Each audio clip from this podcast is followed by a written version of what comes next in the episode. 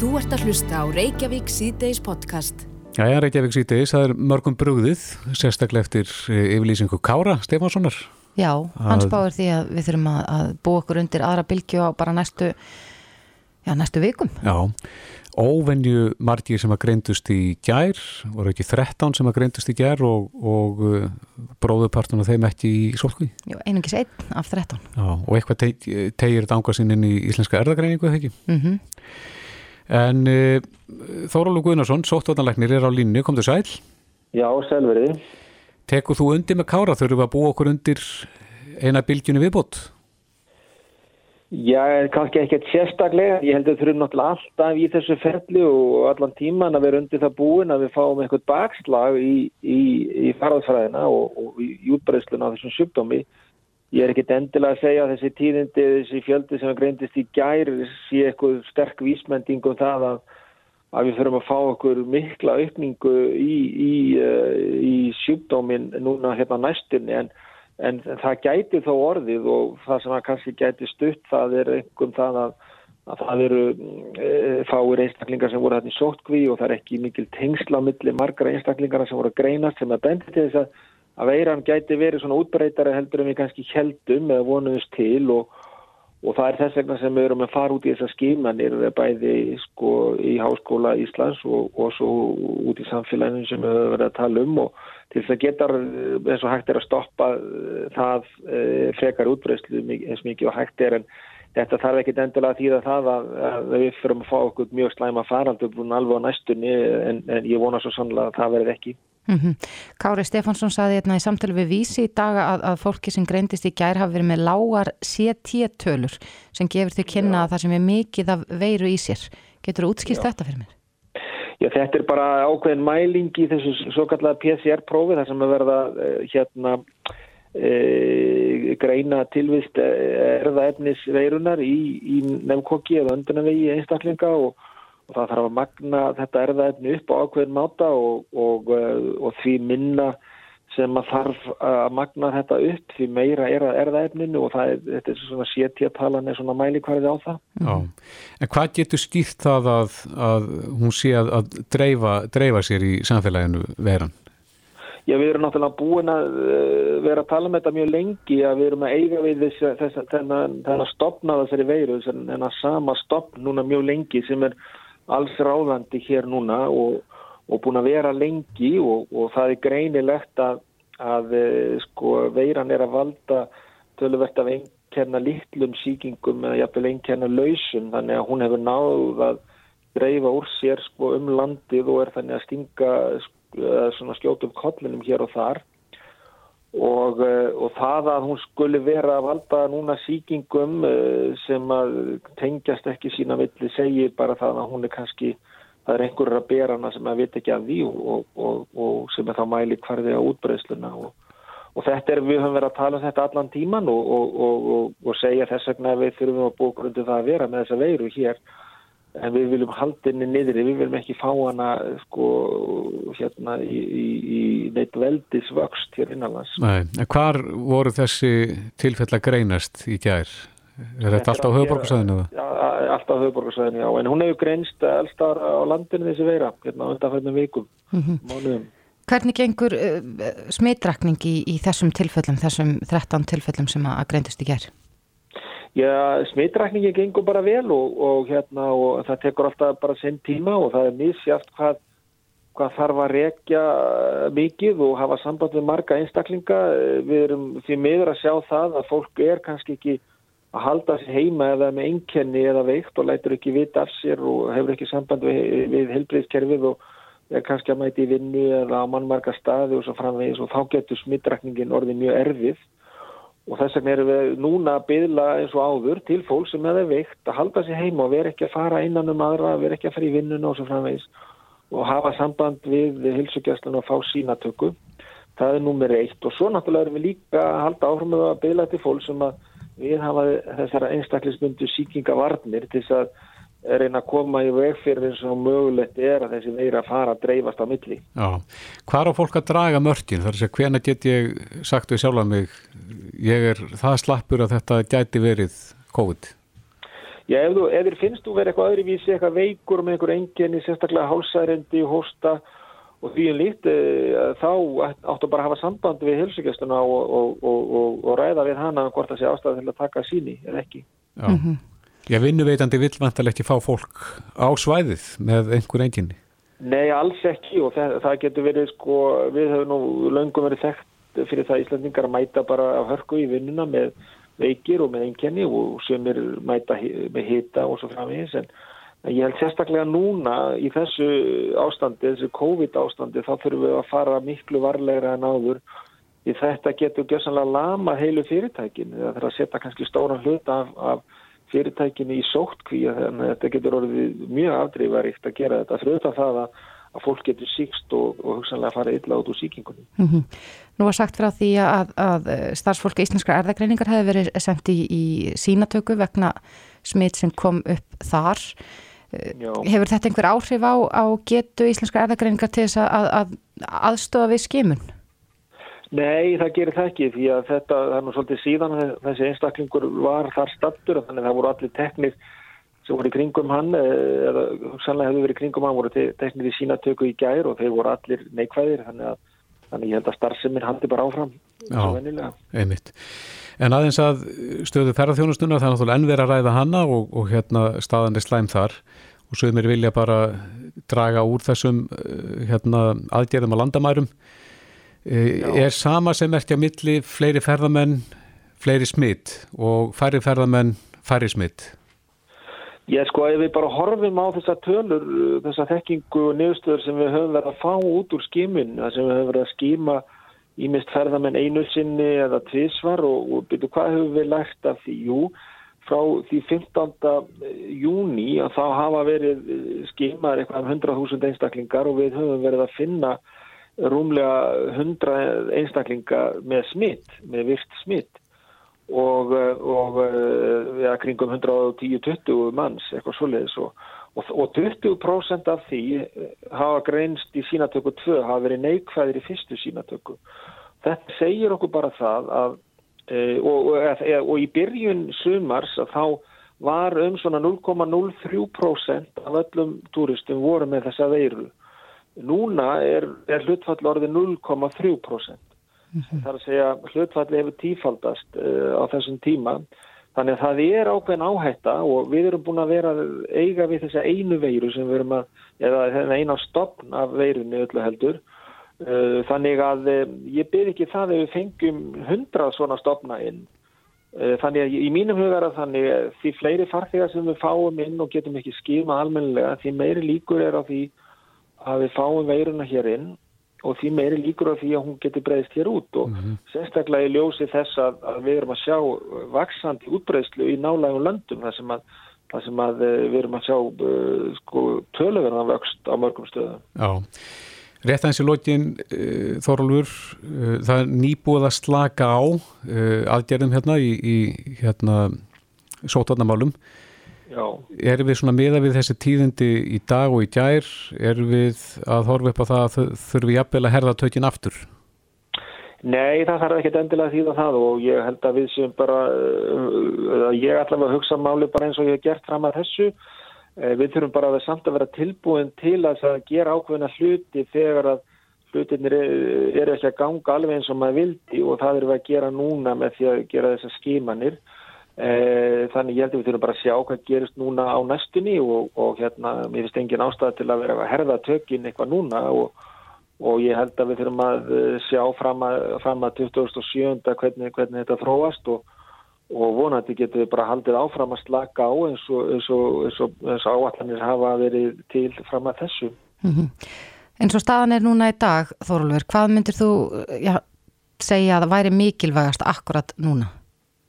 Það sem er mikilvægast akkurat núna, það er það sem við verum alltaf að hamra og ég var að hamra áðan. Það er það í fyrsta lagi að þeir sem eru veikir með einkenni eitthvað slappir, að þeir hafi samband við helsugjastunum að fá sínatöku, fær ekki að mæti vinnuna þannig að þeir sé að smita mjög marga og svo að allir gæti að sínum einstaklismundinu síkingaförnum. Passi sig að, að, að, á ein, einsmetrarregluna, passi handfott passi að hreinsa vel á vinnustöðum og öðrum stöðum, sameilega snertifletti e, hérna hörðarhúna og, og kaffivélar og því lítið er eina sóttur eins og hinsa þessa fleti e, og gæta þessu til þess að, að, að minka líkurnar útbreyslu. Þetta er það lang, lang, lang mikilvægsta sem við getum gert núna. Þú setur þessa fjölgu núna uh, síðustu dag ekki í samengi við tilslaganir að það hefur verið farið úr 2 metrum í 1 metra og þar fram til guttum? Ég veit ekki, þetta getur þetta hangið saman með því og það gerði það kannski líka í sumar en við þurfum að reyna að finna einhvern milliveg að milli þess að hafa allt og harðar aðgerði þess að enginn getur heitt sig og, og, og hérna og uh, allt er í lama sessi til þess að reyna að, að, að, hérna, að opna eins betur á almennt líf en gæta samanskapi að sóttvörn og það er það sem við erum að reyna. Auðvitað væri hægt að hafa hér allt lokað segir bara 20 manns maks og, og, og allt lokað eins og við vorum með hérna, fyrir vetur en ég er ekki vissum að, að það myndi endast mjög lengi þannig við þurfum einhvern veginn að finna þennan gullna meðalveg Já, Þórólu Guðnarsson, sóttvörnarleiknir, kæra þakkir Sumulegis, takk fyrir. Bæs. Þú ert að hlusta á Reykjavík C-Days podcast. Velkomnar. Takk, takk fyrir. Já, ég er svona býstuð að þið séuð kannski ekki alveg sömu línu í, í þessu. Eh, ef við byrjum að þér Helga, hvað hérna, þið setjið stefnun á 25.000? Já. Af hverju svo tala? Af því það er tákrænt. Ef að nýja stjórnarskráin hefði tekið gildi eins og uh, var korsið um í þjóðrætkvæðgríslu 2012, mm -hmm að þá þyrti 10% þjóðurinnar til þess að geta lagt fram lagafrumvarp á alþingi 10% þjóðurinnar getur haft áhrif og við viljum ná þessum 10% til þess að skrifa undir þennan undirskriftalista með rafrænum skilríkjum og allir því vesin sem því fylgir til þess að halda stjórnmálmönnum við efnið og virða niðurstöður þessara þjóðarætkvæðgreislu frá 2012 En nú eru liðin svona mörg ár. Að hvers vegna hefur ekkert verið gert? Er, hefur þetta bara ekkert verið rætt síðan þá? Jú, heilmikið rætt en það er alltaf einhver öll sem að koma í veg fyrir það og, og vilja gera þetta einhvern veginn öðruvísi. Og eins og hérna formar stjórnarskarfélagsins sem er marg oft bent á að það er ekki stjórnmálamannana að setja sér mörg að velja úr einhverju hlaðborði sem að uh, stjórnlagar á bjóð til heilstan uh, samfélagsáttmála sem við kusum um og meirleiti kjósenda vildi leggja þessi drög til grundvallar nýju stjórnarskrá og uh, valdafar hefur ekki verið til í það og ætla núna að gera einhverjar minimal breytingar á stjórnarskráni sem er bara ekki neinu samræmi við þjóðaviljan og við viljum bara, við, við viljum ekki býða lengur, við ætlum ekki að býða í áratug eftir að fá þessa nýju stjórnarskrá við samin með eitthvað líðræðislegustum hætti sem þekkist eru lagaprófessori Harvard að býða eftir því að alltingi verði þessa niðurstöður að því þetta er svo mikið fyrirmyndarferðli hvernig hún var samin mm -hmm. En Sigur, hver er þín skoðun á þessu sem að, að Helga sað okkur frá hér? Já, það er nú sko margt sem að það er nú kannski að leiðrétta í þessari umræðu um stjórnlaga, hún er að vísa sko, helgar að vísa til uh, þeirra stjórnaskrár sem að stjórnlaga ráð uh, samdi, stjórnlaga ráð var sett hérna á laginnar uh, af þáverandi stjórnvöldum og, og kosið í það. Einstaklinga sem allir gotti búið sér fram svo kostning reynda var síðan dæmt ólögmætt þegar þetta stikkir sem kom á hæstarétti. Vegna formgalla, vegna formgalla Uh, ekki það, það tröfli mig eitthvað sérstaklega í þessu en rétt að halda því samt til haga. En uh, sko síðan í kjölfarið þetta er svo löngsaga eins og á áranum má dæma en, en uh, síðan í kjölfarið var gerð ráðgefandi var framkvæmdi ráðgefandi þjóðaratkvæðagreisla um afstöðu manna og það var haldið mjög til að þetta var ráðgefandi um afstöðu manna til einstakar þáttar í stjórnarskráni þetta plagg hefur til dæmis aldrei verið lagt fram nýttin þjóðrættkvæðgreyslu og mér finnst svolítið eins gaman, mér finnst að horfa ungt fólk taka svona mikið þátt núna í umræðum stjórnarskráni og ég held að sé, mér finnst það bara mjög skemmtilegt. Og uh, að áhugi manna sé almennt svona á stjórnarskráni og annari lögjöf, þá finnst mér leiðilegt uh, að greina það að menn fara eða eru kannski haldin miskilningi um þetta atriði, ég vona sér ekki þannig að menn sem markvist að halda raungu fram. En, en þetta stjórnlega ráðsplagg, nýja stjórnarskráni var aldrei lögð fram í þjóðrættkvæðgreyslu heldur voru tilteknir, heldur var spurt uh, viltu að í nýri stjórnarskrá verði til dæmis uh, ákvæðum þjóðkirkju, uh, viltu að það komi í stjórnarskrá uh, ákvæði um náttúruauðlindir mm -hmm. og í þessari ráðgefandi þjóðratkvæðagreyslu tók nú ekki helmingur uh, atkvæðisbæra manna þátt, svo því sé haldið til haga og ég þreytist náttúrulega ekki að því komandi e, úr þeirri áttinni í pólitík og hugmyndafræði og þreyti styrnungi á að halda því fram að þjóðir hafa ekki vilja heldur einstaklingar. Þannig allt talum eitthvað þjóðar vilja í þessu finnst mér nú ekki alveg kannski svona uh, passa í þessu tiliti sérstaklega í ljósi þess að það var ekki þessi meiri hluti sem var náðust uh, í þáttöku þjóðarátkvækjarislunar. Þannig að þetta er svona eitt sko en, en uh, að þessu sögðu, að því þá verður kannski næst, eitthvað næsta spurning, vilti einhver breyta eða þarf að, þarf að breyta ykkur og ég get alveg tekið undir það að það væri alveg tilöfnins að breyta ykkur í stjórnarskráni. En og? Og við stjórna, stjórnmálamennir að því að Því ég er haldið hérna fram að það er ekki verið hlutverk stjórnmálamannana, það er nú bara þannig að stjórnarskráin okkar, sem er einmitt grundvallalög, hún emitt hverður áðum það að henni verð ekki breytt nema með lögum sko.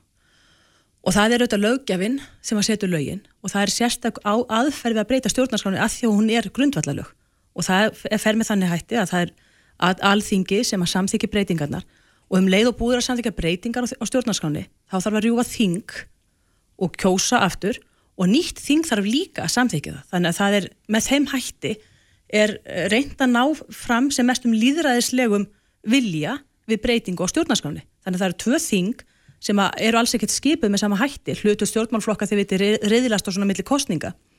Þannig að það þarf að vera viðtæk samstaða um breytingar á stjórnarskráni og stjórnarskráni hefur verið breytt nokkuð oft uh, á tíund áratögnum til dæmis um ímisatriði, bæði mannrindakabla og svo svona grundvallar atriði sem var breyting á henni uh, 1990 99, nú mann eða ekki Eh, um, er varðaði kostningaskipulæð mm -hmm. og, og það, það er stórt atrið sko og sem að hérna, þurft að ná samstöðu allra flokka um og það náðist að gera það á hérna, þannig að viðtæk samstæða náðist um þessar breytingar mm -hmm. og mhm. ég til fara miklu betur á því að breytingar stjórnarskráni fari fram með þeim hætti Já, en, aðeins hérna Helga, hvað, hvað heldur það þeir sem að vilja breyta stjórnarskráni eða fá nýja stjórnarskráni, eftir hverju er þeir helst að sætjast?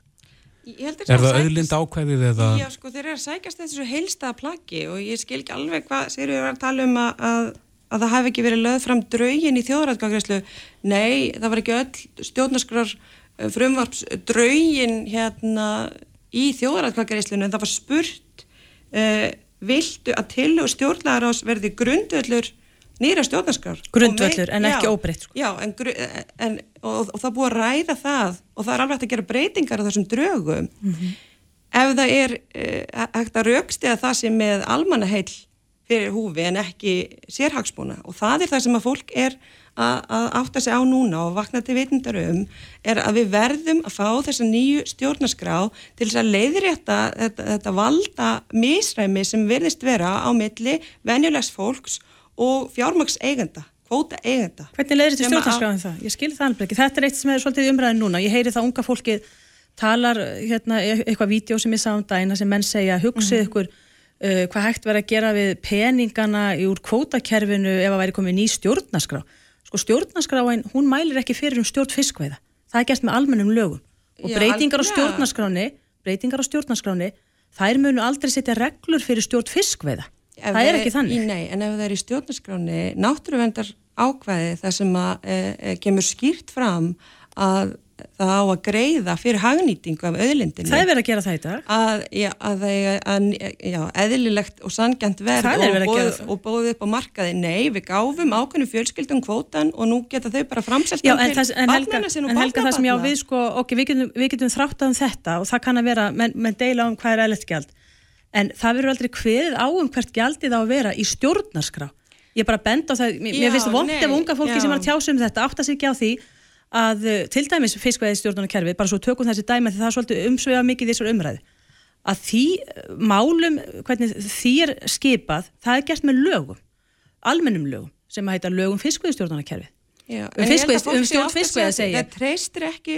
stjórnmálamönnum breytir eigum þessu sko. nei, en það treystir ekki stjórnmálamönnum til þess að draga ekki alltaf taum uh, þeirra sem eru núna Já, betur, nú búið bara líður að síkja og menn verða við kjósundi þings okay, en bara til þess að svara uppalveg spurningunum mm. ég held að sé ekki bara þetta ákvaði þótt að unga fólki dragi þetta mjög skýrt fram að því að þetta er svo æbandi en Hvað það er, er það, það er uh, gagsægið það er vernd fjölmiðla, það er því er líka skipað með lögum sko. mun meiri uh, mannreitndavernd ef við myndum samþykja draugstjórnlaðar ás að þá væri við með sko 45 af 60 mannreitndum alþjóðlegu mannreitndalikli, við erum með 33 núna. Mm -hmm. veist, þannig að þetta er það er þessi heilstæði sáttmáli og segja, grunngildin á bakvöðunum það er algjörlega ljóst að í þessum sáttmála að þá er verið að tala um mannreitindi, náttúruvernd og réttindi komandi kynnslóða það þýðir að sérhagsmunir og, og hagsmunir fjármaksegenda eiga ekki alltaf að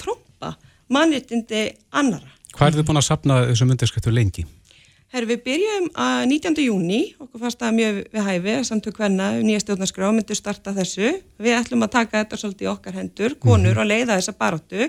En þetta er ekki komið í 10%, uh, segir það okkur að þetta sé, sko, að þjóðar, þjóðarlega finnst þetta ekki það kníjandi? Að... Nei, sko, það eru margir uh, gallar, við völdum meðvita að taka hérna þessa rafrænu stjórnsýslu og, og gera þetta með rafrænu skilríkjum og það hefur verið þvílíkt vandamál frá upphafi. Ég held að mér sem að ábyrða með að listans get ekki séð hver eru búin að skrá sig á hann og mm -hmm. fólk sem að uh, er búin að vera skrási, reyna að skrá sig á hann sem hefur dóttið út, það verður ekki geta að leita til mín og fengi staðfest hjá mér hvort að hérna, er á listanum. Með því að kært all úrskurðendur upplýsingamála og fari gegnum alls konar vesen þá fengum við afrið á listanum eins og stóð 1. september en það eru alls konar vesun og fullt af, af eldri kynnslóðin sem treystir sér ekki til þess að gera þetta.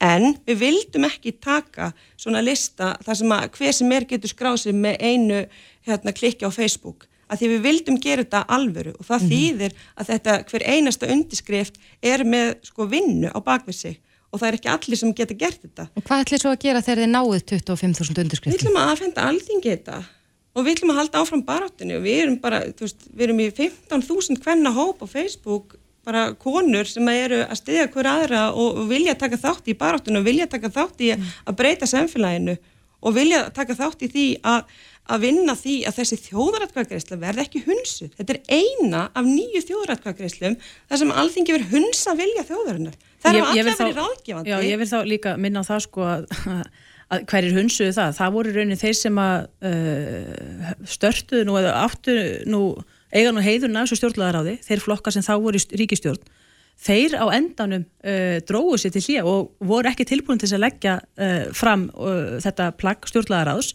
meðal annars held ég Uh, vegna þess til dæmis að Fenja nefndin svo kalla sem er nefnd á vegum uh, Evroparáðsins í mannindamálum og svona ráðgjafandi hún gaf út það álita henni uh, að þetta væri ekki plagg sem að væri æskilegt að væri sem slíkt í stjórnarskrá. Ekki það ég seti neitt sko eitthvað mæli hvar á það en það, ég bara vísa til umræð sem var á þingi í þessum tíma. Flokkarnir eins og samfélkingin og píratar þeir dróðu sig út úr þessu og hérna þessu, þessu starfi sem þeir sjálfur störfu Sko, nú ætlum ég ekki að segja það að það sé ekki margt ímislegt ágætar tillegur í þessu stjórnlaðarás uh, uh, hérna plaggi uh, eins, eins langt og það nú er og ítalegt og, og ég nú þeirra skoðunar að stjórnarská eigi að vera hnitmiðuð en ekki, ekki laung og hún má alls ekki vera þannig að, að það sé hægt að tólkan á ímsa, ímsa veg og það er gallin með sum ákvæði í okkar núgildandi stjórnarskrá að, að menn eru ekki stundum alveg vissið hvernig á að tólka það.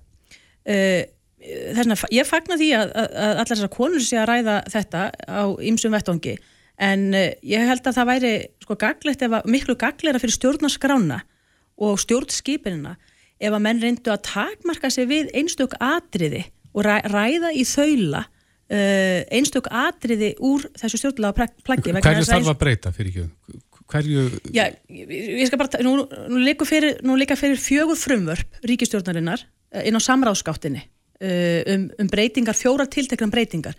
Það er annars verið á stjórnarskanum það er annars verið um íslenska tungu uh, eitthvað sem allir geta samþygt svo er kaplum fósita Íslands og menn hafa svolítið talað um það, það er ekki alveg menn virðast nú ekki alveg verið vissur um hvað slutverk hans er og hann sjálf, jafnvel sjálfur núverandi uh, fósiti hefur nú í rauninni einhvern veginn ekki alveg verið almenna áttaður stundum í því hvert hans slutverk er í því, hvort að hann hafi neitunum vald til þess að þegar einstakar ákvarðanir koma til hans að það er eitt kapli og uh, svo er það náttúru auðlindakabli og, uh, og uh, fjórði kablin er hérna, hvað er það aftur? Það er náttúru auðlindakabli og, og já, svo umhverfismálin. Og og umhverfismálin. Það er náttúru auðlindur og umhverfismál.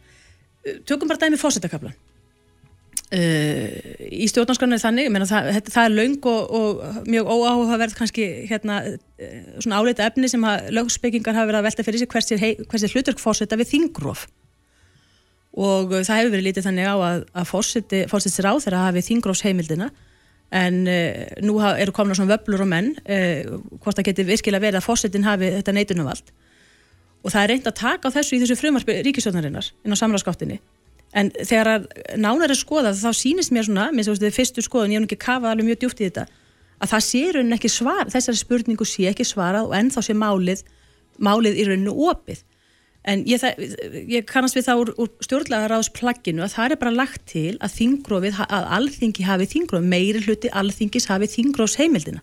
Það er einn leið og uh, þess að tekja þessum dæmum ágæta kannski og skýra tillögu Uh, en mér skoðst þið skýra, ekki ágæta ég er ekkert vissum, ég oftar að skoða það ég er ekkert vissum að ég endilega myndi styðja það en það er þá skýr tillaga um tildekið atriði í stjórnarskrá og tildekið atriði sem þarf að vera skýrt er ekki skýrt í dag mm -hmm. uh, viðist ekki vera skýrt með til og ríkistjórnarinnar en liggur fyrir nokkuð skýr til að frá stjórnlagaráði og þetta finnst með miklu æskilega menn reynda að taka svona eitt og eitt atriði heldur en allt heila plaggið og umbylta stjórnarskrafni. En einmitt ef við tökum bara svona eitt og eitt atriði, mm -hmm. þá horfum við fram hjá því að allt ferli sem fór í semjana var, það voru ofboslega ólíkri einstaklingar sem komið sér saman um þennan heilstaða sáttmóla. Þannig að þið viljið bara allt eða ekkert? Nei, við viljum allt plaggið sem lagt til grundvallar. Já. Ef við ætlum að gera breytingar frábært, en það þarf það að standast próf Ragnars Alsteinssonar, það verður að vera þá þjóðinni til heitla, til almanna heitla. Menn með ekki vera svo fastir í forminu sko að, hérna, að efnið viki til hliðar sko. Það er efnið sem skiptir málun ekki formið. Ég hvet nú menn þess að hafa það í huga. Já, við, því miður komst ekki lengra með þetta. Ég bara hvet alla áhuga sem um að kynna sér þetta efni, en það skiptir þetta máli eins og þú segir, segir grundvallar lögin okkar. En... Inn á samráðskáttin Ísland.is til dæmis eru þessi fjögur frumvörp sem er mjög læsileg og ég hvet allir þess að skoða það. Já, ég hvet allir til að fara ná nýstjórnarskrafundurins og taka þátt í undirskriftarsöfninni. Akkurat. Sigriður Andersen, Altingiskona og Helga Baldvinsdóttir Björgardóttir formaður samtaka Hlustaðu hvena sem er á Reykjavík C-Days podcast. Jæja, með Reykjavík C-Days, það er náttúrulega mikið rætt um uh, COVID-málinn og, og uh, Kári, létt hafa þetta sér í dag að við ættum að vera undirbúin fyrir uh, aðra bylgu. Já, eftir eina til tvær vikur ef markam á hans orð, en Kári Stefánsson, forstjóri íslenskara erðagreiningar, er á línunni. Komdu sæl. Komdu sæl. E, það voru 13 sem að greindust í gær og þetta eru kannski hærri tölur en við höfum séð í eitthvað tíma. Eh, af þessum 13 voru 12 utan sótkvíjar og þetta er fólk drift víða í samfélaginu. Mm -hmm. Þetta var fólk sem var með tjóðlegt mikið magna veiru í sér og nú eigum við eftir að ræðgreina þessi smít en það kæmi mér ekki óvart að þetta myndi allt reynast vera með þessa sömu gerðstöppvitinga og er búin að vera herja á okkur núna mm -hmm. síðan þennar sex vikur í, og undirgerða því sem að skaut upp kollunum á Hotel Rangá mm -hmm.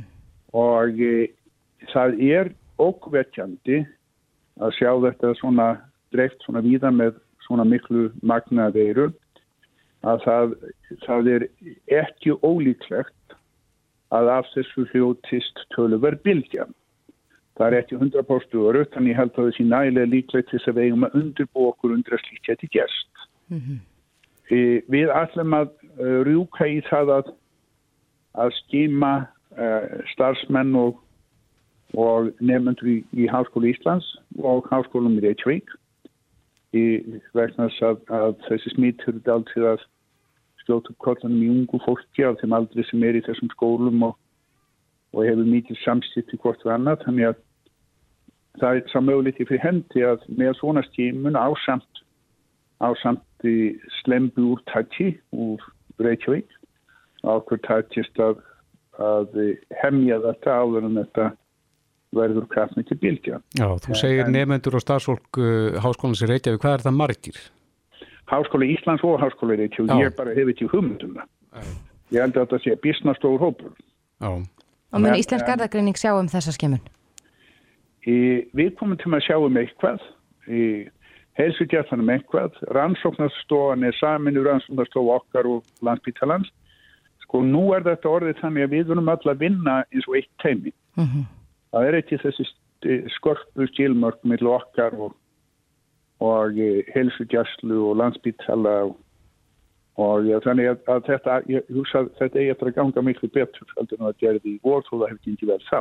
Já, en Kári, nú, nú velti maður í fyrir sér, uh, staðan er ekki endilega svo sama hún var hérna fyrir sex vökrum síðan, aðgerri hafi verið hertar á landamærum og, en heldur þú samt sem maður... Bittu, bittu, bittu, væna minn, þetta smitt sem er nú í gangi byrjaði fyrir 19. ágúst, mm -hmm.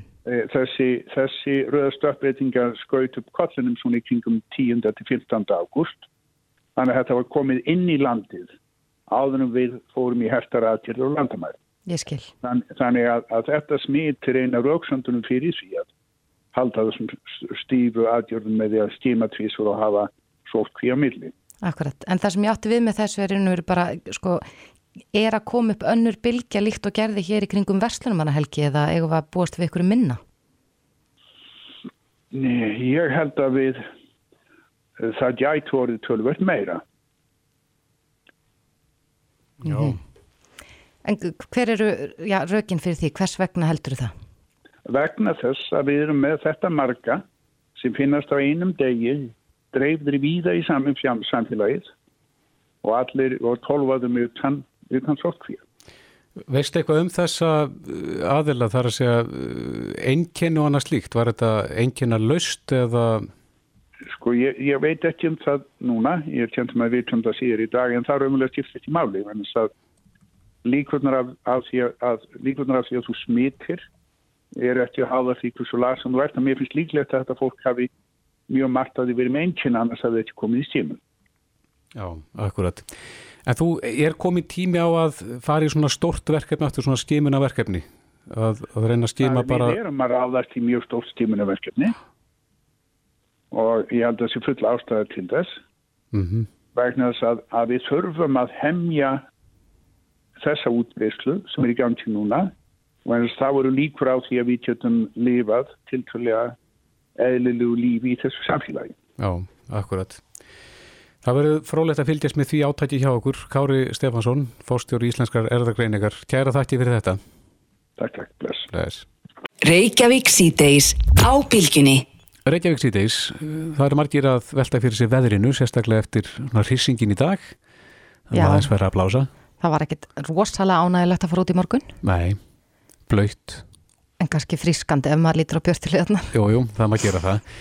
En uh, okkur stílst að, að læðirna séu svona kannski vennju samkvæmt á þessum ástíma að raða sér upp, tilbúnar að heimsætja okkur. Einar Sveinbjörnsson hjá Veðuvaktinni og blika.is er á línu, kom til sæl. Já, komið sæl. Já, er það ekki rétt? Er ekki læðirna fannar að svona stilla sér upp í rauð? Jó, menn tala um risinslegt veður í morgun. Já. Eh, það er svona lít á landinu en uh, það er auðvitað komið svo ástíð með að við förum að sjá í þessar höstlæðir Já. og uh, það má vel að segja að það hefur orðið svona einhvers konar veðrabrigði uh, í dag. Það búið að vera ágættis veður síðustu daga, kirlátt og fint og stundum hafði þetta verið kallt. Mm En uh, nú sjáum við það að uh, hálóttastrengurinn eða vestnastrengurinn hérna yfir atnarsafið, hann er færst norðar og beinir núna læðunum eiginlega til okkar næstu daga. Já, já. Og þá verður meira og minna strekkingsvindur og, og, og kvast og jáfnveld stormur stundum. Er von á já, nokkrum læðum í röð þá eða hvað næstu daga? Já, þetta er svona læða fjölskyldur sem að heimsækja okkur uh, heila sko, nú verður þessi fyrsta verður orðin læða amman eftir nokkra daga. Já, já. og, og, og þegar að læða barni nálgast. Já, sem er þá aðeins minni. Ég segi það nú kannski ekki. Minni til, minni til að byrja með. Já það gangað í gegnum svona þróstjaferil en, en allavega næstu þrjá ára það stefna hér beint á okkur þar að segja þessi í dag mm -hmm. með, með sunnunáttinni, hún verður nú úr sögun eða mestu leiti bara í fyrramálið. Já, er þetta allt úr sögum með áttinni? Já, það koma allar hérna söðvestan úr höfum.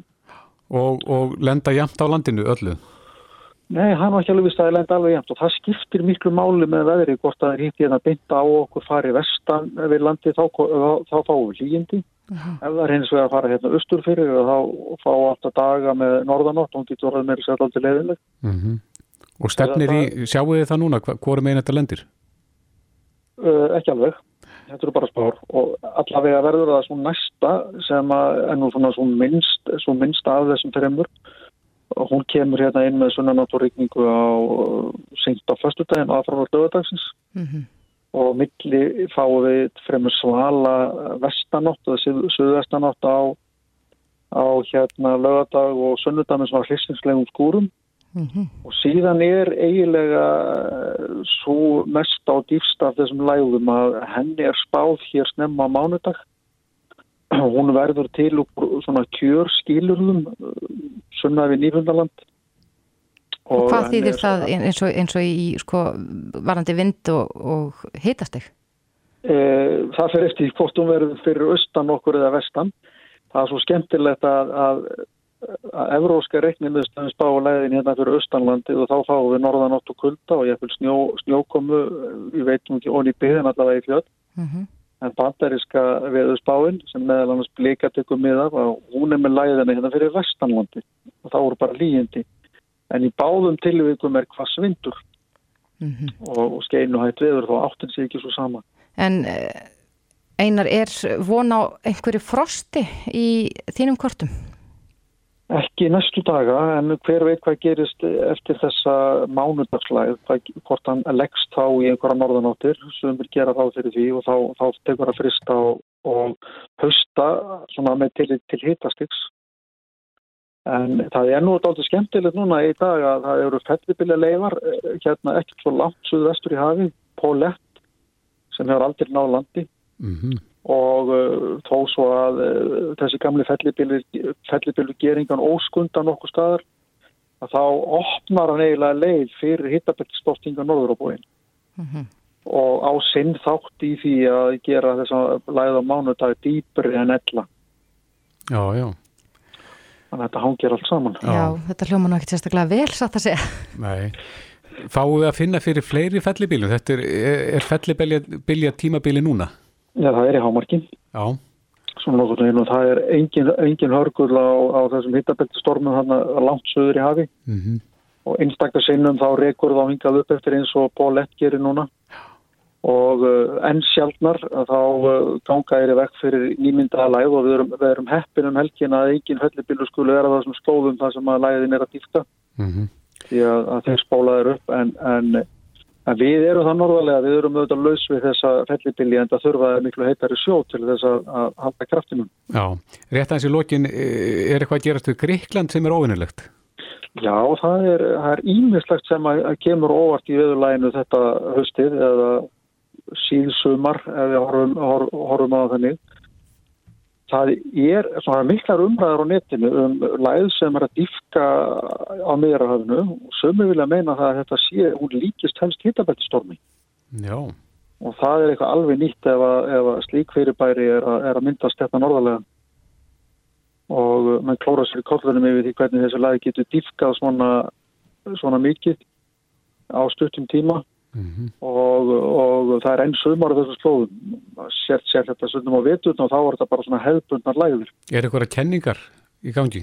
Já, sko kenningarnar eru í raun og veru þær að, Raki sem að kemur frá þessu, þessu, þessu hlýja hafi sem þarna er núna, hann eigi þátt í að dýfka læðina, þannig að porta þetta er hittabeltistormur eða læð sem fær hjálp frá sjónum, það er ekki gott að segja en, en þetta er eitthvað sem mannum þykir mjög óvinnilegt Einmitt. Einar Sveinbjörnsson hjá Veðuvaktinni og Bliku.is Kæra þakki fyrir þetta. Erðu takk svo með leiðis Bless, bless. Reykjavík síðdeis á Bilginni podcast. Reykjavík síðdeis við heyrum það svona vísvegar í samfélaginu að, að fólk tekur eftir högti þegar það kemur að postsendingum millir landa. Mm -hmm. það er kannski er von að pakka og, og um, hann er stopp hér og þar og tekur aðeins lengri tíma Já, ég held að í raun og verið að taki bara nánast allt lengri tíma. Já, er þetta eitthvað sem að fórstur í postsins, eh, Birgir Jónsson, þekkir, kom til sæl? Góðan daginn, já, ég get nú ekki svarið fyrir þetta, við, við könnumst nú vel þetta hérna okkar bæ. Já, Hva, og, hvað er það sem veldur? Já, þetta er bara þetta margumrætta ástand, sko. Þetta er auðvitað bara með eftir því sem að flugsamgöngum fækkar og það er skerðast og raskast þá, þá er náttúrulega pústflutningar fórnalambi í því ferli. Mm -hmm.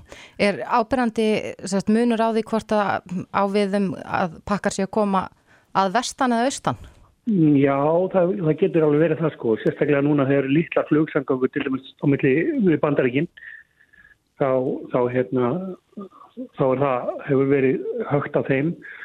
Það hefur líka verið högt frá Kína við vitum að það er stór flækja í Þýskalandi sem að svona stípla sem er erfst einhvern veginn að leysa úr.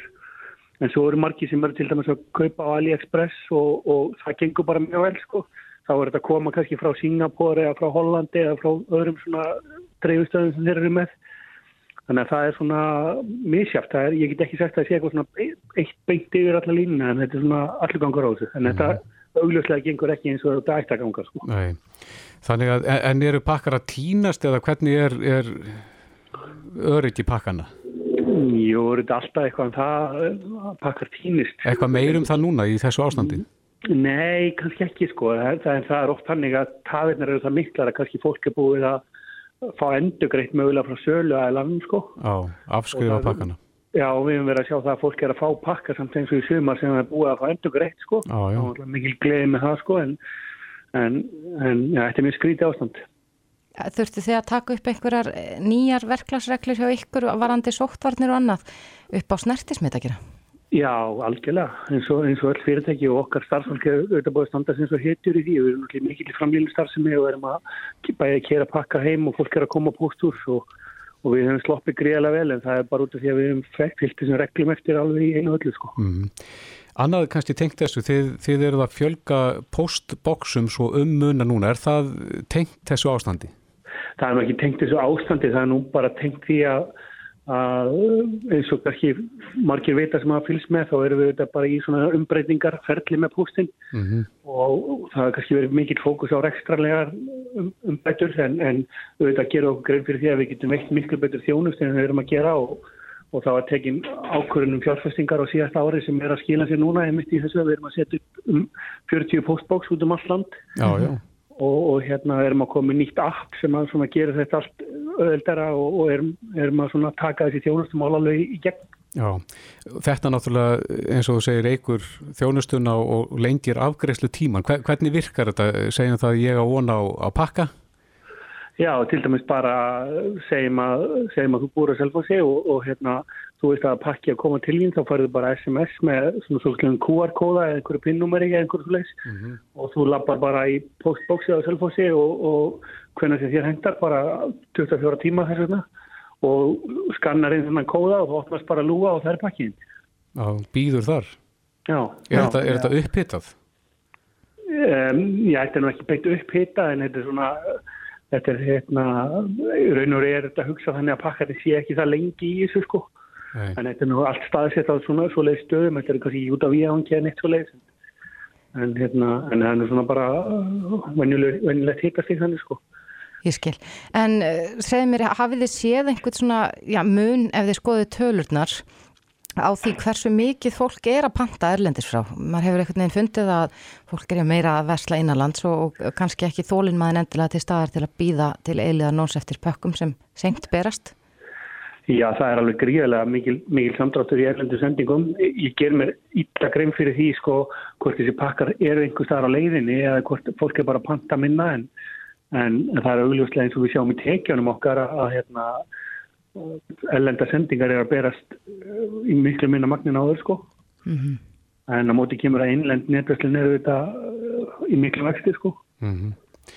Og það var nú í umræðinu hérna eftir alls verið löngu að, að það er að segja gjöldin sem að hafa verið lögð á erlenda pakka hafa stóraugist er, er það ennþá við líði þar að hafið endur skoðað það eitthvað? Nei, það er nú, já, þú ert vantilega að tala um þessi sendingagjald og eilenda sendingar. Það er alls konar pakka meðferðagjald og ég veit ekki hvað þetta allt saman heitir. Já, það, já, þetta sko er pósturinn þetta bara svo hvert annar fyrirtæki sem að fólk vinnur hjá sko, þannig að við erum auðvitað með kostnað sko sem það þarf að mæta. Mm -hmm. Það sem að stýrin hefur mest aðeum er, er þetta sendingagjald sem var sett á í fyrra á 600 krónur á sendinga til dæmis frá Kína og 400 innan Evrópu og til mandarækjana. Óháð virði sendingarinnar? Já, það er einhver, er, já, það, það, það kemur því ekki við sko, mm -hmm. það er bara vaskurinn sem að stýrast af því sko. Já.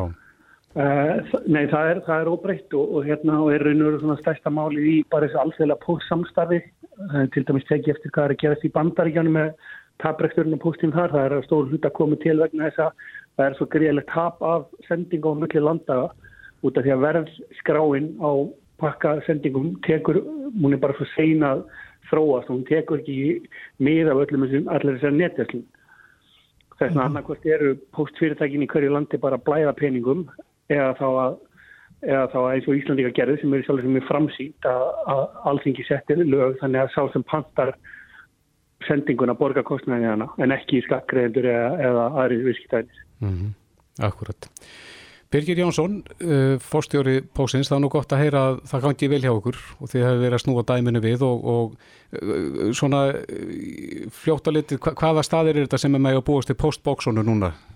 Já, sko, þetta eru 20 staðir núna í fyrstu út á landi erlaðuna, sko. Það, það er svona þessi slegsti staðir, við fórum bara til Magni, það er Selfos og Akureyri og og hérna Ísafjörður og, og, og svona þessi 20 svona stærstu staðir. En, en þetta við höldum áfram bara á næsta ári og, og hérna það er alveg hellingur að hlutum í gangi þannig að, þannig að fólk mun sjá alveg gríðalega mikið mun á þjónustunum hjá okkur á næstu mánu Já, gott að heyra Birgir Jónsson, takk fyrir þetta. Takk á Bilginni podcast Reykjavík síðdeis og Bilginni heldur áfram það er alltaf eitthvað nýtt að gerast í atvinnulegunum á vísi.is, skemmtilegur uh, flokkur þar, mm -hmm. en í dag voru byrtar nýjar tölur frá Gallup um fjárvinnu og, og þar kemur meðal hans fram að, að konur eru miklu áhuga samir um fjárvinnu en karlar. Afhverjum það sé? Já, það er nefnilega góð spurning. Já.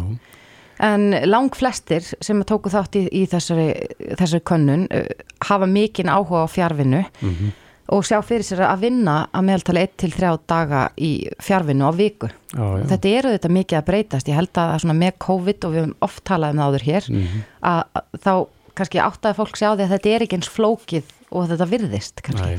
En eh, samt áavert að, að þessi munur á kynjónum. Mm -hmm. Verulega. Akkur kallar vilja bara losna út af heimilinu og komast í vinnuna en konuna eru þá heimakærar í?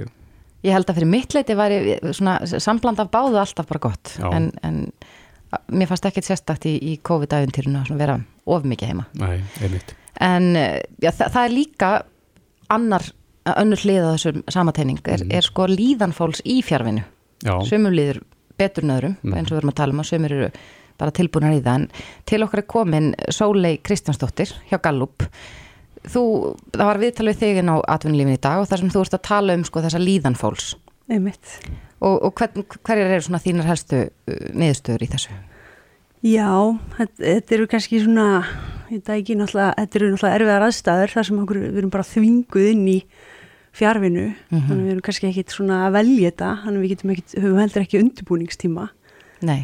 En það eru náttúrulega bara alltaf áskoranir sem við stöndum alltaf fram með fyrir og kannski mest krefjandi sem við núna reynsla af, sem við erum að koma úr tímabilinu, COVID-tímabilinu.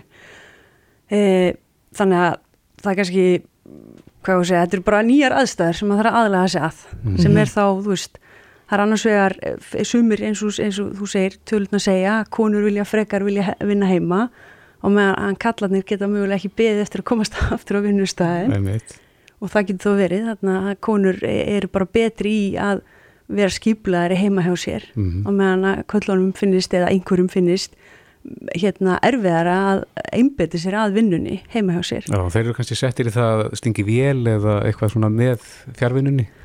Já, eða konunum sjá, eða konunum sjá bara reynilega tækifæri, þá geta þær hendt í vél og fara svo að vinna og svo geta þær hengt upp og fara svo að vinna og, og hérna, en það eru náttúrulega, þetta eru aðstæðir sem eru bara, við mitt, flóknar geta verið, þannig að, að það til dæmis að vera í samskiptu við vinnufélagana að heimann og það er kannski reynd að ná samband við og þú ert ekki, eh, það næst ekki í því. Ert að vinna, hvað mm -hmm. ert að gera? Hvað ertu, það þarf að tala um alla þessa hluti, það er að gera samkomlag mm -hmm. við bæði samstagsfólk og svo stjórnendur við starfsfólk um þú veist, hvernig verður þetta fyrirkomulag? En svo er okkur hent svolítið út í djúbulögin á sínu tíma, þetta bara já. brast á og við vorum alltaf komið bara heim já, með skrifstofuna. Eh, verður þetta auðveldara næst? Það sé ef, ef að þessi staða kemur upp að okkur verður svona bara þröngvað heim mm -hmm. þá eru við vantilega undirbúnari. Já, maður gæti haldið það og maður myndi náttúrulega vona það mm -hmm. það, það er svona eitt vingill er, það er alltaf gaman, eða í fyrsta skipti þá er allt spennandi, mm -hmm. annars skipti þá er maður svolítið svona, þetta aftur, veist, við finnum það á mörgum núna, þetta er svona, fólk ekki alveg eins mikið til í að fara heim aftur, Nei, sko. En það er náttúrulega bara um að gera, nota tækifæri í raunni, að því að þú veist, í öllum áskorunum þá felast einmitt einhver ný tækifæri sem við hefum kannski ekki þurft að leita eftir e, í, við óbreyttar aðstæðir mm -hmm. þannig að veist, það er um að gera veist, mm -hmm. að stilla því þannig upp hvað gerist ef, að, ef ég þarf að fara heim við erum allavega að vitum núna hvernig við veist, eigum samskiptu hvort annað allir eru orðinni góður í teams mm -hmm. til dæmis En mannst eftir einhverjum tölum þar að segja hver er munurinn á kynjunum? Á kynjónum. Já, það er að segja þegar kemur af fjárvinnun, eru hversu margar konur eru sáttar við þetta versus karlar? Á, nú gerir mér óleik, sko. Já, nú, já, já, þá... ég, skal, ég skal segja það, það kemur fram hérna, sko, langflestir hafa áhuga á að vinna fjárvinnu, mm -hmm. en mjög fáir hafa áhuga að vinna einvörðungu fjárvinnu mm -hmm. og Já, ríflega sjö af hverjum tíu konum hafa mikinn áhuga á að halda áfram að vinna fjárvinnu en ríflega mhm. fjórir af hverjum tíu körlum. Þetta er mhm. svakalegu mun. Það er rosalega munur. Já. En eh, Sóli, nú, sko, þú ert aðeins að tala um kosti og galla. Já. Hverjir myndir þú segja að vera svona helstu gallarnir við fjárvinnu eins, eins og við þekkjum hana núna? Það er kannski, þú veist, kannski er maður ekki með eh, góða aðstöðu heima hjá sér. Það er kannski óþægilt til lengdar að sita bara hreinlega á eldústólunum við eldúsborðið og út kannski að vinna bara í hérna, fartöluna hérna. Mm -hmm. Þannig að aðstæður til lengri tíma munu hafa neikvað áhrif á til dæmis stóðkerfið. Að greina á milli. Við hefum nú oft verið kvart til þess að við erum ekki að taka vinnuna með okkur heim. Já. Að skilja hann eftir í vinnunni. Þannig að þetta eru kannski... Já, far líka. Er það mörgin orðin óstýrari? Já, ég meina, ég held að margir þekki það, þú veist, við fórum heim, þú veist, þá maður kannski einmitt að, að vinna fyrirpartin heima og fundum með samstagsfólki og mm -hmm. svo kannski tók maður aðstátt í, í heimilslífinu og svo bara hoppaði maður aftur inn um kvöldið, það er alltaf komið í ró og hérna, ég segi alltaf fyrir sjálf á mig, ég hef aldrei unnið í smíki eins og þessu tímabili, mm -hmm. maður bara alltaf veila í vinnuna, sko, mm -hmm. heima á sér. Já. Þannig að það er svo alltaf áskurinn kannski að greina á milli og hérna mér langar að hoppa strax í kostina. Já, eftirlega, segja okkur frá þeim. Það er þeir eru svo skemmtileg Þú veist, þú getur sparað er alveg einmitt, þú sparað er ferðartíma og hérna, og einmitt getur létt undir með, þú ræður svolítið að því við erum misjöp, það er ekki allir sem eru tilbúinir í um, að vakna mótnana og fara bara strax á stað, eru kannski bara fram að háta einhvern veginn að vakna og geta þar alveg stjórna svolítið hvernig þeir skipleika einn dægi sinn út frá því. Mm -hmm. teki kannski kvöldsirpu verið þá um morgunin að gera eitthvað annað og verið svo setnipartin til dags fyrir samstagsfólkið og hérna og fyrir utan svo, svo tölum við um hérna ferðatímin sem við erum að fara að spara. Ég meina margir að hendast með börnin í leikskóla og grunnskóla og allt þetta og þurfa svo að kera sjálf í vinnuna. Já Þannig að það gefst tækifæri kannski til þess að, að, að endur skipulegja. Algjörlega, það er ekkit allir í þeirri stöðu að búa rétt við liðin á vinnustafnum sínum sem er að keira mm. jafnvel sveitafélag á milli mm. til þess að mæta á skjöfstofna og, og, og í raun og veru gera það sem hægt væri að gera heima á sér. Já, heldur betur og sérstaklega líka fólk sem er að vinna í hérna, opnum vinnurýmum. Mm -hmm. Úst, eh, margir hverjir töluð um sko að þeir myndu gerðnan þykja einmitt þannig að þessar 1-2-3 daga í viku sem getur bara yfir fókusvinnu heima. Já, bara svona akkurat. Úst, þannig að þeir, þeir verði bara reynilega ekki trublaðara því að við erum ekki nógu öguð í því inn á vinnustæðin að vera ekki að trubla samstagsfólk okkar. Nei, enda hefur verið uh, svona endalösa umræða fram og tilbaka kannski með opin vinnurými eru þau góðið að slæm en, en ég held að þetta sé óbáslega einstaklingsbundi líka. Já, og líka heimahjör þá getur þú stjórnaði mitt, hittastíginu loftgeðunum úst, bara meir segja lyktinni mm -hmm. úst, þú hefur svo miklu meiri stjórn á aðstæðum. Já. Þetta er áhugavert. Heldur að þetta sé að fara að færast í auka hér á landi, jafnvel þó að já, kórnumveran verði ekki lengur að buga okkur? Sko, ég myndi vona það að því það er svolítið gott að geta búið upp á sveianleikaðan, það er svolítið gott að geta búið fólku upp á uh, hérna þennan möguleika og við þróum þetta áfram og höldum áfram að svona læra á þessa aðferð, alla tækna sem því fylgir mm -hmm. uh, að því að stundum er það bara þannig að það þarf bara einhver að vera heima, það þarf einhver að vera til taks og það bara léttir dregur úr álægi að þurfu ekki að vera skjótast fram og tilbaka og það er náttúrulega bara mjög mikið lífsgæði fólkin í því einmitt að þurfu ekki alltaf að vera einmitt mætt í vinnuna sérstaklega með vinnu sem getur bara sint heima frá þér gegnum tölvuna, gegnum síma mm -hmm. En það var, það var líka mikið talað um hérna að fólk var að klæða sig í, í sko fjarfundafötin, það var að náttbuksur að neðan og skýrta á ofan. Einmitt. Já, þetta er áhugavert. Sólei Kristjánsdóttir hjá Gallup, kæra þakki fyrir komina. Takk fyrir að taka mútið mér. Þetta er Reykjavík C-Days podcast. Við sjáum frá því hérna fyrir svona þetta byrjum tveimur vikum af mm -hmm. þessari nýjung sem að Android og Apple er að setja í stýrikerfin sín. Já. En það er þessi möguleiki á að uh, símar tali saman. Já, við töluðum nú við ennbætti landlæknist þá og, og fengum að heyra það að Ísland er því mögulega fyrsta landi til þess að virkja þetta. Já, akkurat, en við veltum fyrir okkur hver er staðan á þessu verkefni núna. Ingi Steinar Ingarsson, sviðstjóri hjá ennbætti landlæknist er á línu. Kom til sæl? Já, komið sæl. Já, hvað eru við stött í þessu ferli? Er, er, er það að fara að setja þetta í gang? Og við erum farin að sjá þetta virka í símum hjá okkur. Við erum farin að, við komumst fram hjá þessu sem þið töluðum síðast að, að þetta sé ekki að virka á Íslandi. Þannig að við getum verið með því svona pröfuham hjá okkur. Er það í samstarfi við Apple þá? Já, það er samstarfi við Apple og uh, við erum ekki komið eins langt á Android símunum. Google er ekki alveg hérna þeir eru aðeins lengur að gera þetta heldur en Apple okay. ekki alveg konar eins langt en, hérna, en við erum sem sagt undirbúa núna að fara í gang með prófanir með svona ákveðinu lokuðum hópi mm -hmm. Sem að við erum gera svona tilraunir á því hversu vel þetta virki til þess að greina smittættu og, og, og slíka hluti. Og svo munum við líka samslega því vinna að örgis skoðun á þessu. Þó að, þó að Apple og Google segja að það verði engin gögg sem flæðir til þeirra þá þá viljum við tryggja það og við munum fá öryggis sérfræðinga í að, að skoða sagt, allar, allar upplýsingar sem fara úr símónum og meðan við erum að prófa þetta þannig að það sé tryggt að þetta sé að standist að það far ekki neitt til þessara stórfyrirtækja. Já, en þessi prófin sem þú talar um, þið vantilega þá komið að staði ykkur ímynduðu smiti og, og hvað, reynið að sjá Já. þá hverjir eru þá í hættu og Já, já, við munum þá reyni leika einhvern veginn uh, svona fyrst í litlum hópi að hvernig gera tilraunir hvað þessu langt næri þetta ef maður er setta langt frá og þetta og, og, og svona meist langt frá og sjá hvernig þetta ná að grípa það saman mm -hmm. og einn þennan tíma sem að fólk er saman í herbergi og, og þess að leti við viljum náttúrulega bara sjá þetta gagnist áður við förum að byggja allan landsmenn að, að virka þetta í símónu sínum mm -hmm. við erum ekki að búa til eitthvað einhverja væntingar og, og einhverja vesen fyrir fólk sem gagnast svo ekki. Já, eru þið með einhverja vinnudagsetningu á því hvenar þið hugsuðum að setja til loftið og byggja almenningum að virka þetta? Nei, nú lofaði ég, það nefndi hálfa mánuður síðast en nú er komin hálfa mánuður og þetta er nú svona daldið í þessum tölubransa, þetta taka alltaf aðeins lengri tíma en maður vonar sko. Ég er nú líka bjassýtnað elsfari þannig að það er líka miklu skemmtilega að, að, að hérna vera bjassýt sko. Já. Já, þannig að ég, ef ekki að segja aftur núna, svona almenna nótkunn eftir halva mánuð.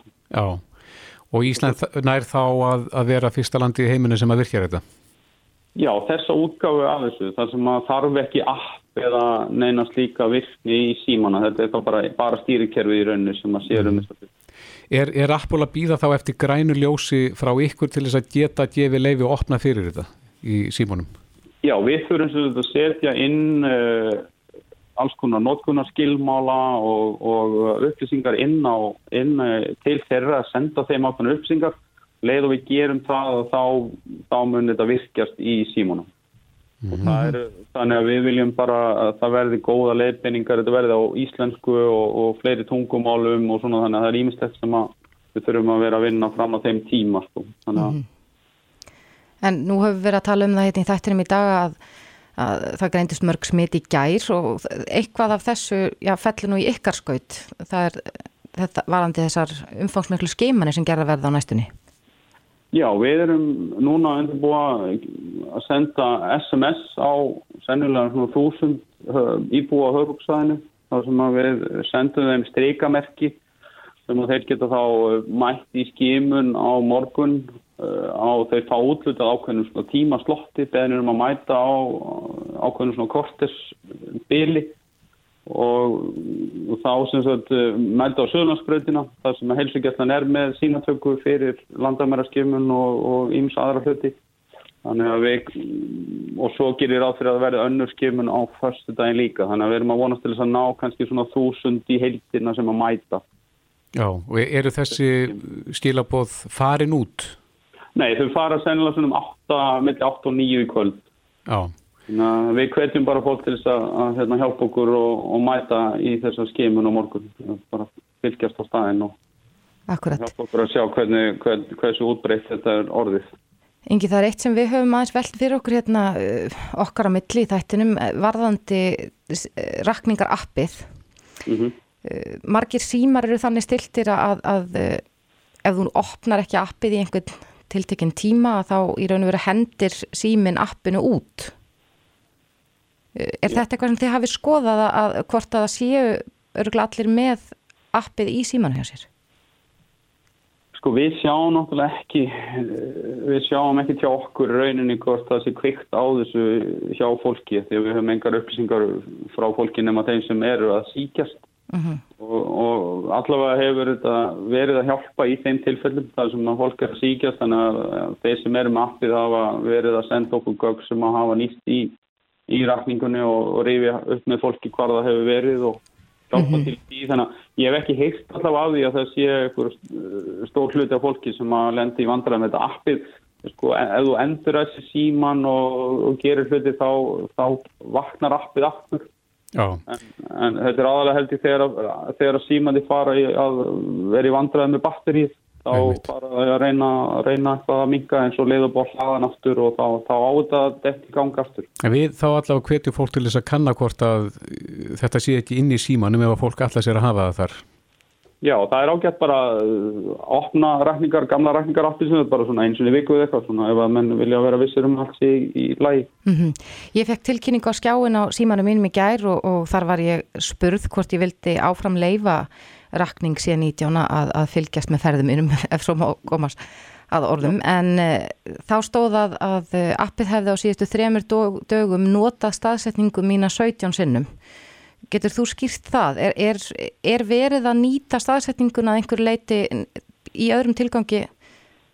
Nei, þetta er rauninni, þetta er bara stýrikerfið í símanæðinum að vara þig við því að það sé eitthvað app í símanæðinu sem að sé að nota þessar staðsetningar. Mhm. Þannig að það eina sem rauninni er að gera þarna er bara að kalla á stýrikerfið og spurja það eh, um hvar þú ert og það vistast bara í appinu í símanu þínum. Það fer ekkit út nema þú heimilir það og rendir í því að rakningarteimni ringi í þig sko. Þannig að þetta er bara stýrikerfið, í rauninni. þetta er bara Apple sem að, sem að er, þú ert vantalega með iPhone Mm og, og Apple er mikið að hugsa um þessar hluti að fólk gerir sig grein fyrir því rauninni hvað er í gangi í símanum þeirra. Það sé ekki bara kveikja á einhverju og, og fatti síðan ekki að, að appið sé að gera eitthvað sem þú kannski gerir ekki grein fyrir. Já.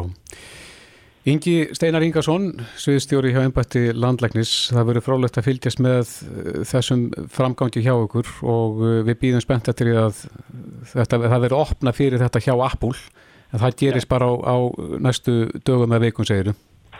Já og vonandi náum við bara að gera þetta með Google á sama tíma þá að við þessar prófanir séu kannski dálítið meira núna með Apple þá vonum við að, að þetta verður tilbúið að báðum stöðum á sama tíma. Já, Ingi, takk fyrir þetta. Takk, takk. Þetta er Reykjavík C-Days podcast.